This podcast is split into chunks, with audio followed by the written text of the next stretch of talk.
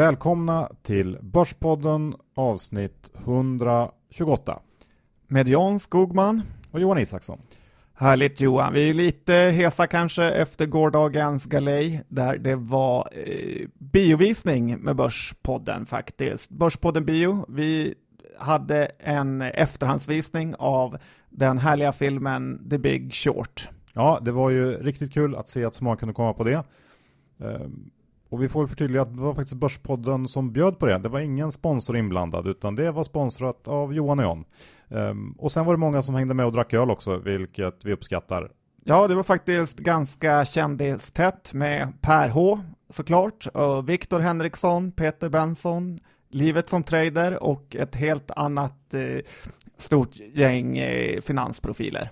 Tyckte jag såg Olle Kvarnström där också va? Ja, någon C-kändis eh, slank också in. Ja. Hur som helst, innan vi kör igång dagens avsnitt så ska vi presentera våra sponsorer och jag säger sponsorer som i plural idag för vi har faktiskt en ny sponsor. Men vi börjar med Diro, vår gamla trotjänare.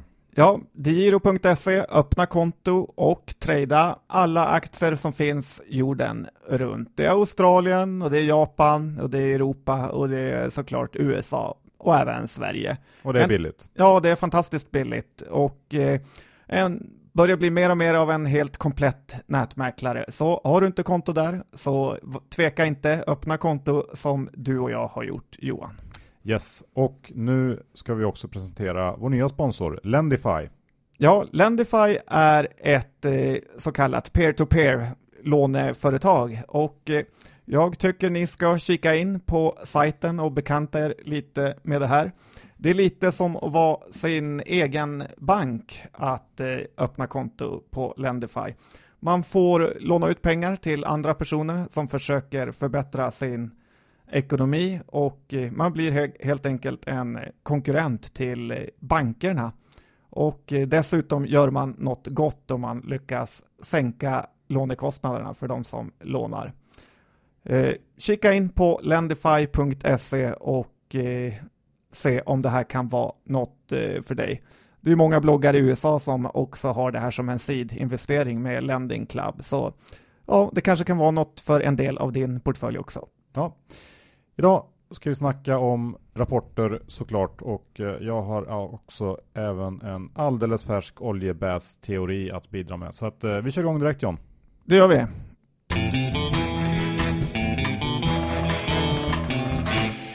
Johan Dr. Bass Isaksson, index är i 1310 och eh, nu börjar det på allvar känna sig som att vi har etablerat oss här nere och eh, det är svagt. Bolagen kommer in med nästan sämre än väntat rapporter hela tiden och eh, även gemene man börjar bli på riktigt orolig. Men hur ska vi tolka det här?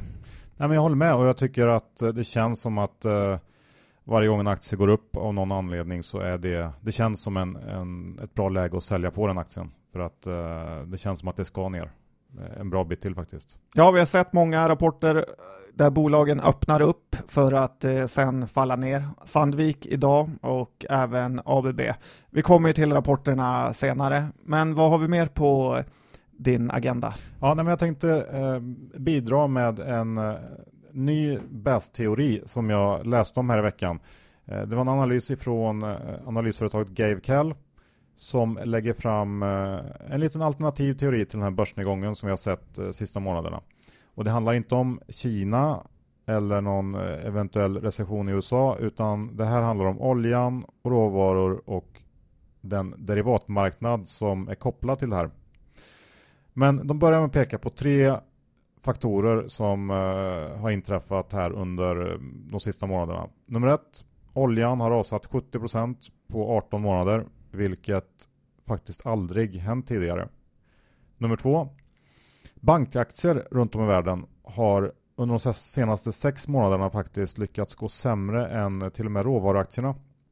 Och många bankaktier är under eller i, nivå med de uh, lows som sattes kring 2009 i finanskrisen. Till exempel så har vi Standard Chartered, Santander och Deutsche Bank som alla är där nere och harvar. Ja, det är långt kvar för de svenska bankerna i och för sig. Ja, de eh, stämmer väl kanske inte riktigt in på den här beskrivningen. Men, men bankaktier som grupp i alla fall, globalt sett, så ser det ut så här. Och nummer tre, korrelationen mellan oljan och den globala aktiemarknaden har varit nästan perfekt positiv eh, på slutet. Även i länder som till exempel Indien eller Korea som tjänar brutalt mycket på ett lägre oljepris och där man kan tycka att börsen borde kanske ja, få lite styrka av det här. Så att man konstaterar att marknaden beter sig helt enkelt inte som den ska. Och eh, bankernas eh, underperformance får ju en att fundera på om oljekraschen kan eh, skapa riktigt allvarliga problem. Man konstaterar i analysen att den här direkta låneexponeringen som bankerna har, den ser hanterbar ut. Men det kanske inte är det som är det viktigare här, utan det kanske är exponeringen mot råvarurelaterade derivat som man ska fundera på. Eh, marknaden för råvarurelaterade derivat är på minst 4 000 miljarder dollar. Och mycket pengar. Ja, det är mycket, mycket pengar. Och ett sätt att se på det här det är ju att eh, derivat är ett nollsummespel. Man har en sida som är lång och en annan som är kort och att det tar ut varandra. Men problemet uppkommer ju om någon part i den här kedjan går under och konkar som under finanskrisen ungefär. Eh, då orsakade ju ungefär 500 miljarder dollar i bolåneförluster fruktansvärt mycket större förluster i ekonomin i stort. Delvis via derivat då. Ja, de här så kallade sidebetsen börjar ju vara ett eh, härke på riktigt för världsekonomin. Ja, så frågan är helt enkelt om en våg av konkurser i råvarusektorn från aktörer som då helt enkelt inte kan uppfylla sina derivatåtaganden kan skapa en kris alla 2008. Härligt att doktorn målar upp en sån fin bild. Ja, men det kan vara någonting att fundera på tycker jag faktiskt. Jag blev, eh, jag blev lite... Nybässad. Ja, och jag tycker att det var, kändes som en ganska trovärdig teori det här. Jag har inte läst det någonstans innan. Vi får se. Spännande i alla fall. Ja, onekligen. Och John, eh, här i veckan så har du fått ett nytt smeknamn. Ja, robotdödaren. Tack så mycket. Ja, du var med i en eh, fokusartikel som var riktigt bra tycker jag. Och här i veckan så är det ju dags igen att uh, försöka få dig frikänd. Ja, det är John vs eh, State igen och eh, vi hoppas på bättre utfall den här gången. Ja, så håll tummarna där ute. Och jag funderar en del på hur, hur, eh, hur kommer det låta där inne? Har du något, kan du ge oss något smakprov? Ja, jag förstår att det är en stor nyfikenhet på det. Så jag tänker att vi försöker koka ner det här till en snabb spolning av storyn. Så får ni höra hur, ungefär hur det låter, fast med amerikanska skådespelare. Ja, men kul. Få Och i den här storyn får ni byta ut kills mot eh, trades så blir det lättare att förstå. Let me ask you a question, Chris. Would you be surprised if I told you that the Navy has credited you with over 160 kills?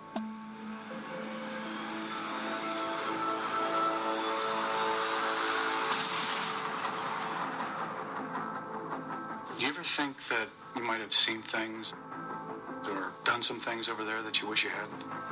Oh, that's not me, no.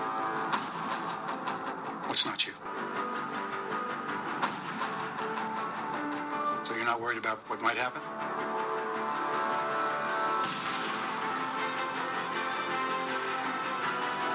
I'm willing to meet my creator and answer for every shot that I took. Don't pick it up.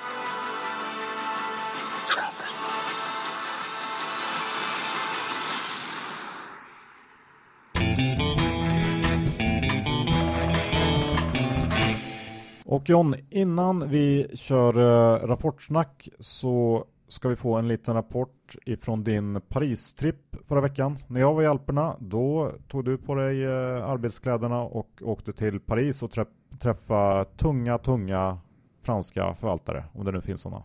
Ja, så var det faktiskt Johan. Det eh, var väldigt kul att bli bjuden av Carmignac som är en gigantisk fondförvaltare i Frankrike som förvaltar över 500 miljarder kronor.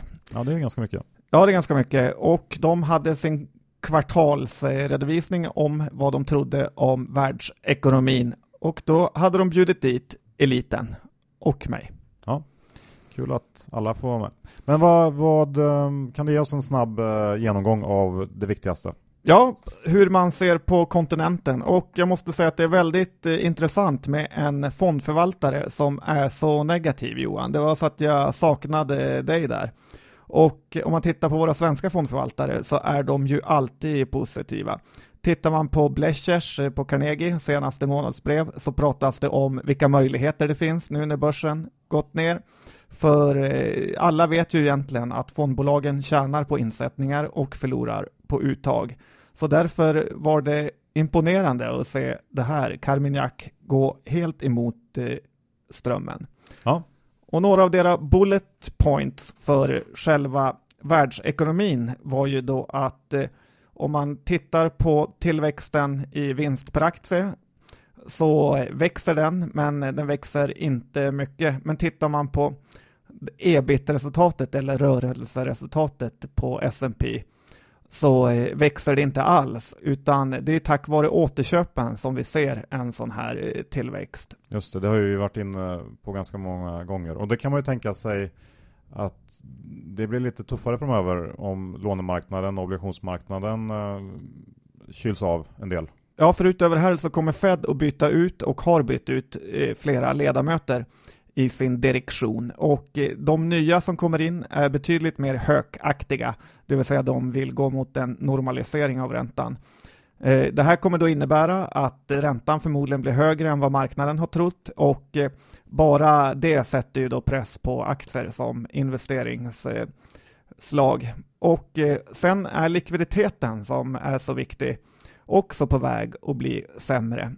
Tittar man på eurozonen men man tar bort eh, Tyskland eh, som är enda landet som det går bra för egentligen, så visar alla andra länder budgetunderskott. Det här gör att det kommer bli ett stort sug efter att låna mer, vilket också kommer bidra till att eh, räntan går upp och det kommer skaka oro. Och slutligen Johan så är det så här att eh, man måste komma ihåg det här med skuldsättningen och det var något de verkligen ville betona.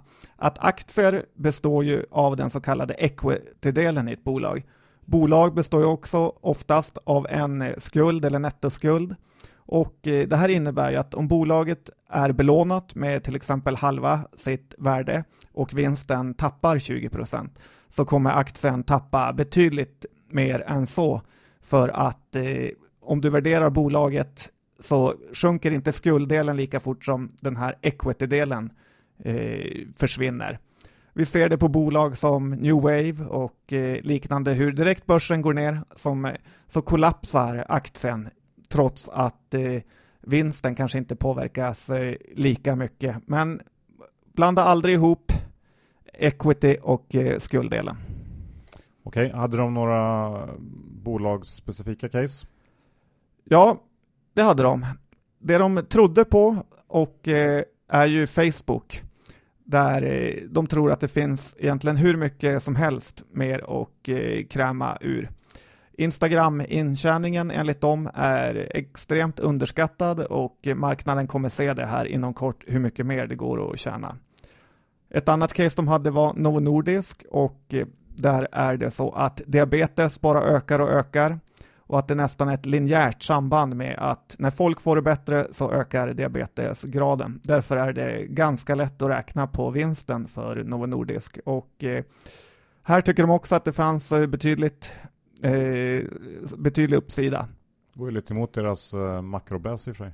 Ja, jag tror inte de tror att världen ska gå under Johan, även om du hoppas det. Ja, okay. Sen slutligen Amazon, bolaget som vi alla gillar. Och det är ju så att eh, man ser ju mycket på Amazon som ett bolag som bara levererar prylar, men det är ju cloudtjänsten som de tjänar väldigt mycket pengar på och har en helt överlägsen produkt i. Den här marknaden är fortfarande väldigt, väldigt liten mot för vad man tror att den ska vara i framtiden och eh, här finns det enorm eh, uppsida enligt Carmignac. Ja, men det låter väl som eh, rätt vettiga case överlag. Så hade de någon vy på Kina då? Ja, det hade de Johan. Det är ju så att eh, Kina går från att vara en industriekonomi till att vara en konsumtionsekonomi. Och det här är en svår omställning som både kommer att ta tid och vara volatil. Det är också så att resten av världen kommer drabbas då Kina behöver köpa mycket mindre stål, aluminium och råvaror. Och i sin, det här leder i sin tur till att det finns en enorm överkapacitet hos kineserna och eh, det gör att de kommer sälja det här till resten av världen, vilket i sin tur innebär att de exporterar deflation. Kina har en överkapacitet med ungefär 50 procent inom stålsektorn, så SSAB har ingen lätt match eh, framför sig. Sen berättar de att Kinas börs består av till 80 procent av eh, privatpersoner, vilket förklarar varför börsen är så volatil. Det är i princip gratis för kineser att handla med aktier. I Kina en punkt i courtage och alla sitter och tradar aktier i sina mobiler. Experten från Kina som också kom från en liten by i Kina berättar att det är många byar i Kina är uppbyggt eh, tradingrum, typ som våra tipsbutiker här i Sverige där kineser bara kommer in och river av lite trades och kör. Så att det, på ett sätt låter det extremt eh, hemskt. Lite härligt också. På det positiva så var hon inte så orolig för bostadsbubblan eftersom det finns ett väldigt stort eh, sug efter eh, bostäder i både Beijing och Shanghai. Eh, däremot fanns det lokala bubblor lite här och var. Hon säger att många har tjänat väldigt mycket pengar på börsen och de pengarna går in i bostadsmarknaden, så därav såg vi uppgången. Vad gäller Macau så är det för tidigt att investera i de aktierna då den här korruptionsattacken Kina har inte kommer vända utan snarare bli hårdare. Och vänder Kina så trodde hon att det är andra sektorer som kommer gå bättre än kasinot. Ja, Okej, okay. ja, jag som eh, har varit inne lite på Macau-aktierna får vänta lite då kanske. Men eh, det här med enbarnspolitiken och eh, Vitrolife, passar du på att fråga om det? Ja, såklart Johan. Vitrolife är ju vår svenska stolthet inom IVF och den har gått väldigt, väldigt bra på att Kina har avskaffat enbarnspolitiken. Och jag frågade om hon trodde att det här var ett bra case det var inget hon trodde och enligt henne har det varit tillåtet länge att ha två barn i Kina om man är två föräldrar. Och förra året såg man inte alls någon uppgång i antalet barn som föddes av kineser utan snarare nedgång. Hon sa att det kunde bero på att det var getens år, vilket är extremt dåligt att bli född i. Eh, för att kinesiska kvinnor hatar nämligen getter. Nu är det apans år, så att eh, det är först nu man kan riktigt utvärderare. Men en annan negativt argument som hon angav var ju att många kineser har flyttat från byarna in till städerna och den kinesiska kvinnan är hårt arbetande.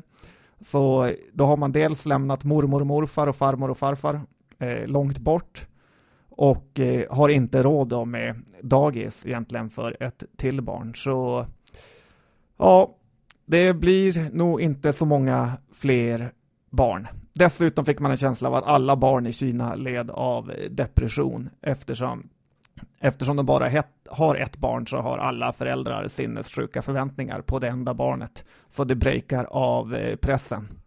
Och där är ju Sverige lite av en motbild med inga förväntningar på sina barn. Bra John, tack för den fina eh, sammanfattningen. Ehm, ska vi raskt gå över till eh, Sverige och rapportperioden? Riva av lite rapporter? Ja, vi kan väl börja med de stora bolagen där du har, som vanligt har varit väldigt eh, lyckosam. Ja, ja, vi kan säga det tills vidare.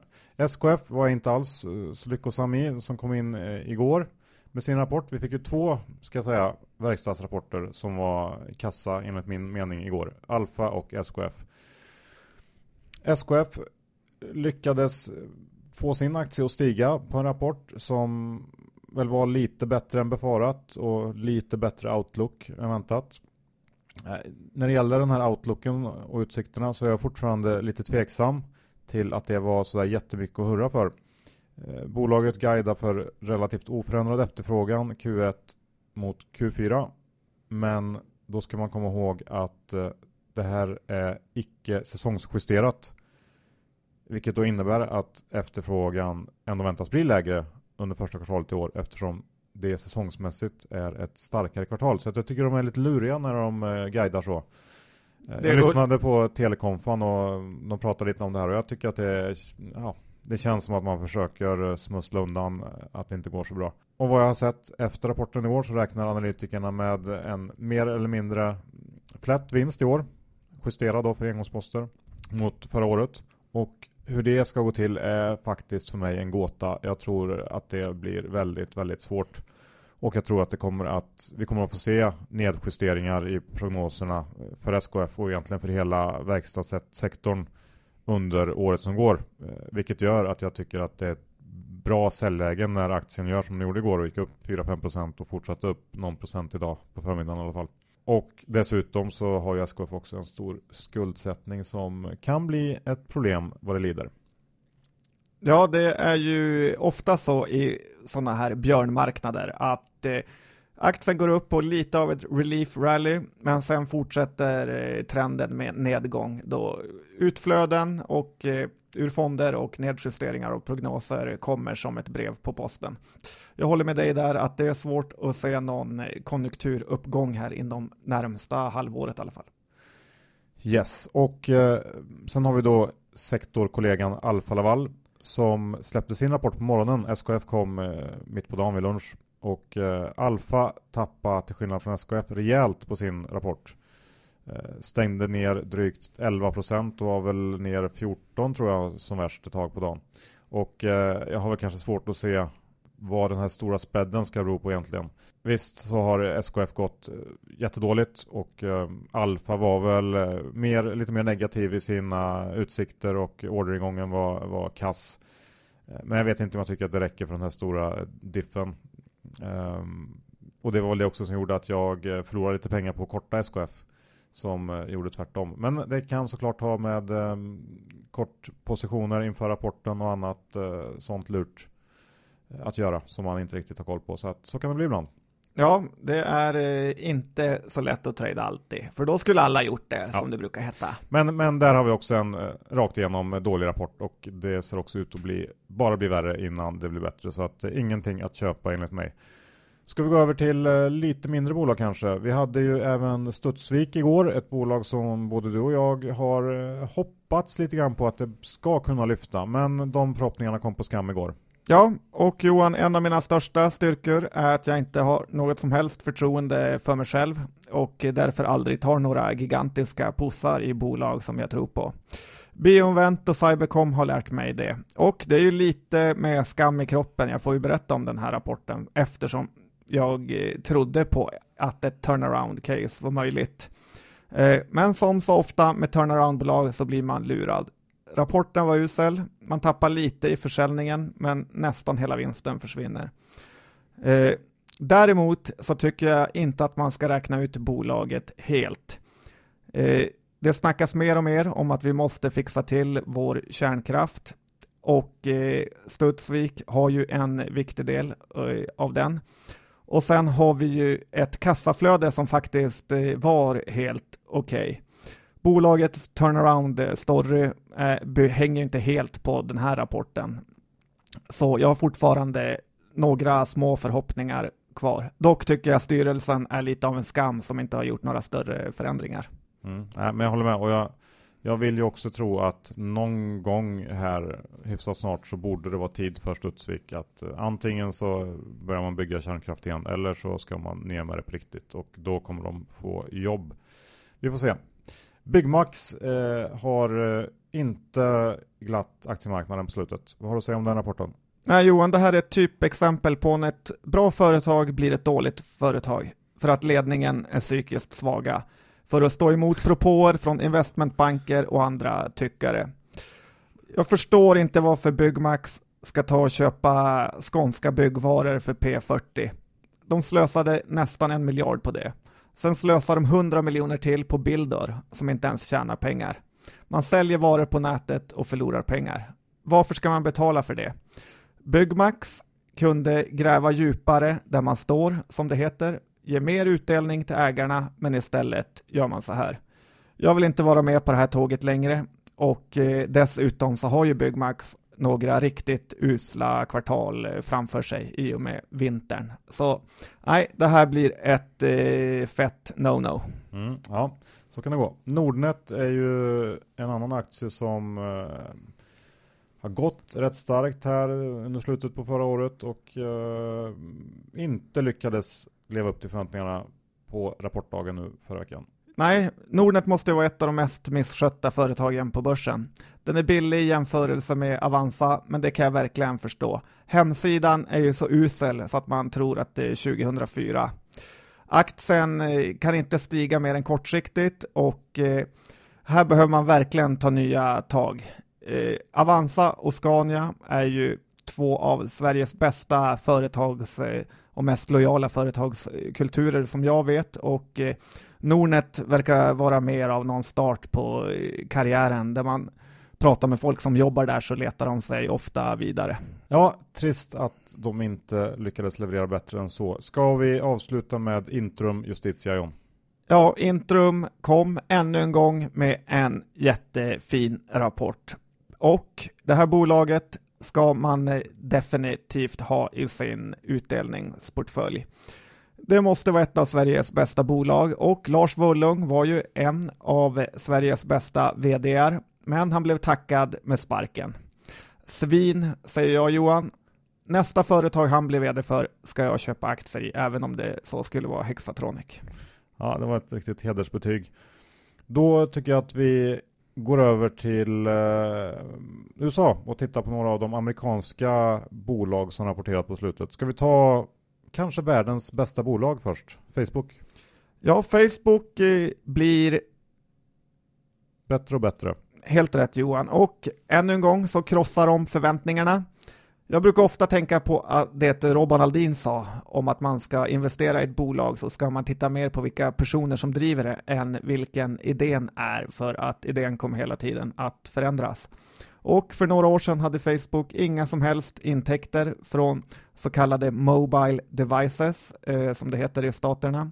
Och nu kommer 80% av intäkterna därifrån. Många analytiker och förståsigpåare sa att det skulle bli svårt och dyrt att lyckas få igenom det här med reklam i mobilen.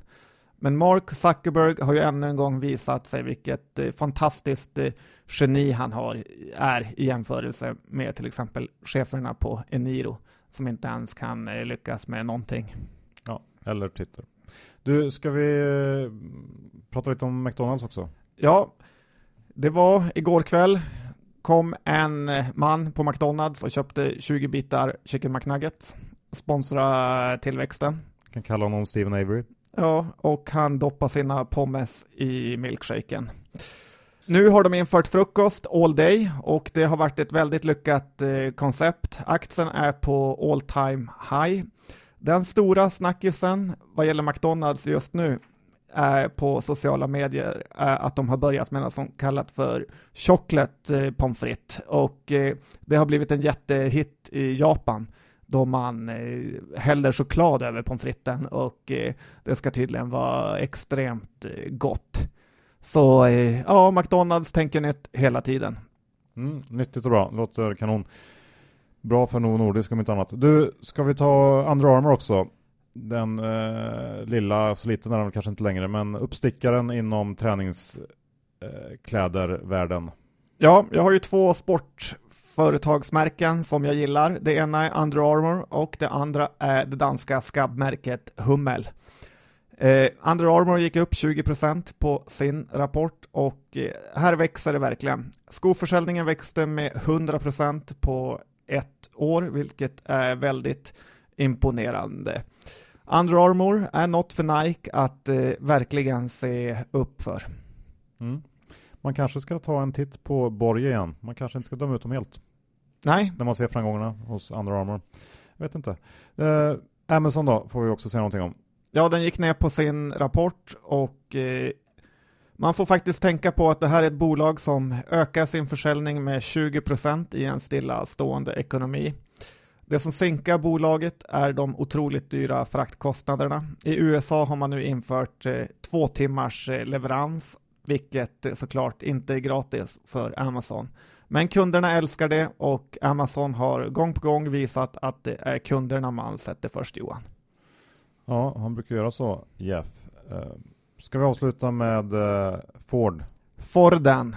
Ja, här kom Ford med en eh, rapport som jag tycker verkar vara helt okej, okay, men börsen hatar ju verkligen bilbolagen i USA, framförallt GM och Ford.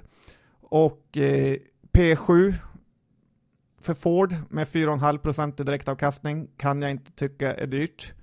Ja, om vi kommer in på Autoliv eh, också så brukar man ju säga att ju högre upp i värdekedjan är desto mer eh, pengar ska man tjäna. Eh, när det är bilar så är det helt eh, tvärtom. Det är bättre att vara Gränges, Bulten, Bufab och sälja aluminiumdelar och muttrar än att göra själva bilen. Jag tycker det är något fel i hela den här kedjan och eh, det borde faktiskt finnas möjligheter för biltillverkarna att börja pressa underleverantörerna hårdare. Och jag skulle definitivt hålla mig borta från allt vad fordonsaktier heter med tanke på hur GM och Ford behandlas av börsen. Ja, det skulle jag också göra John. Och man måste ju tänka på att bilförsäljningen faktiskt slog ett all time high i USA med, jag tror det var 17,5 miljoner bilar sålda. Vilket på något sätt eh, säger någonting om möjligheterna för den marknaden att eh, gå upp ytterligare. Känns tufft och eh, det är nog risken på nedsidan där som vi pratade om i förra avsnittet inför Autoliv.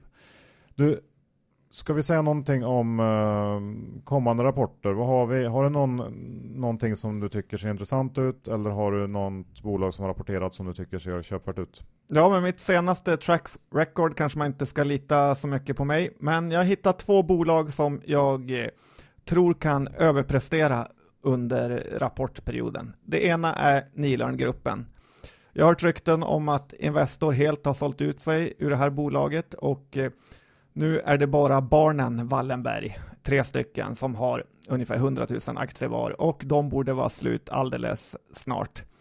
Nilörn har en stark eh, Q4 och den modiga köper innan, den fega väntar till efter eller köper inte alls. Och det andra som jag är sugen på inför rapportperioden är fastighetsbolaget NP3 och det här känns för billigt för att ignorera. Det har varit massor av insiderköp eh, så sent som sista dagarna inför eh, köpstoppet för insiders och jag tar rygg, dels för att jag tror utdelningen kan höjas rejält och att eh, förvaltningsresultatet kommer ligga långt under 8. Många andra fastighetsbolag ligger kring 11 till 14 gånger pengarna. Så ja, här är också en liten chansning. Mm, Okej, okay, ja.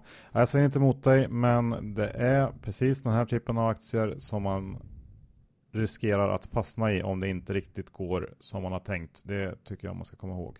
Men kör på John, hoppas att det går bra. Tack, jag vet att du inte tycker så egentligen. Nej, det gör jag inte, men jag säger så.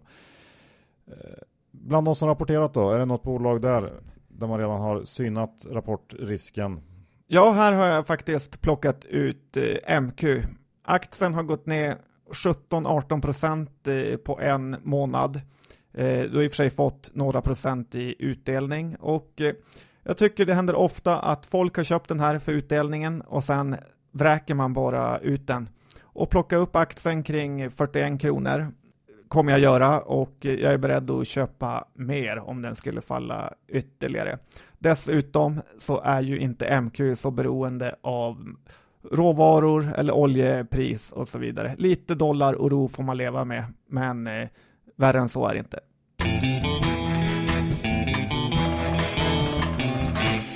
Tack för att ni lyssnade på Börspodden avsnitt 128 och tack DeGiro för att ni eh, är så vänliga att ni vill ställa upp med sponsring till Börspodden.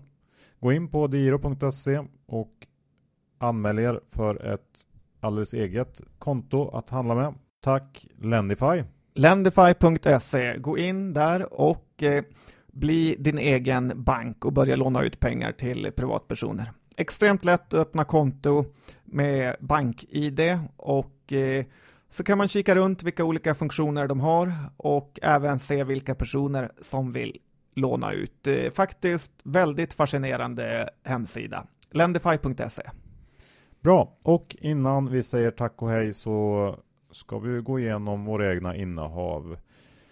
Jag, Johan, har eh, ingen av de här aktierna vi har pratat om i min långportfölj eller i min kortportfölj för tillfället. Hur är det med dig John? Ja, den är ju som vanligt lite tyngre än din. Och jag äger ganska mycket Nilan-gruppen och även NP3. Och även Mats Kviberg, favoriten MQ. Ja, det ser man. Straight forward. Bra.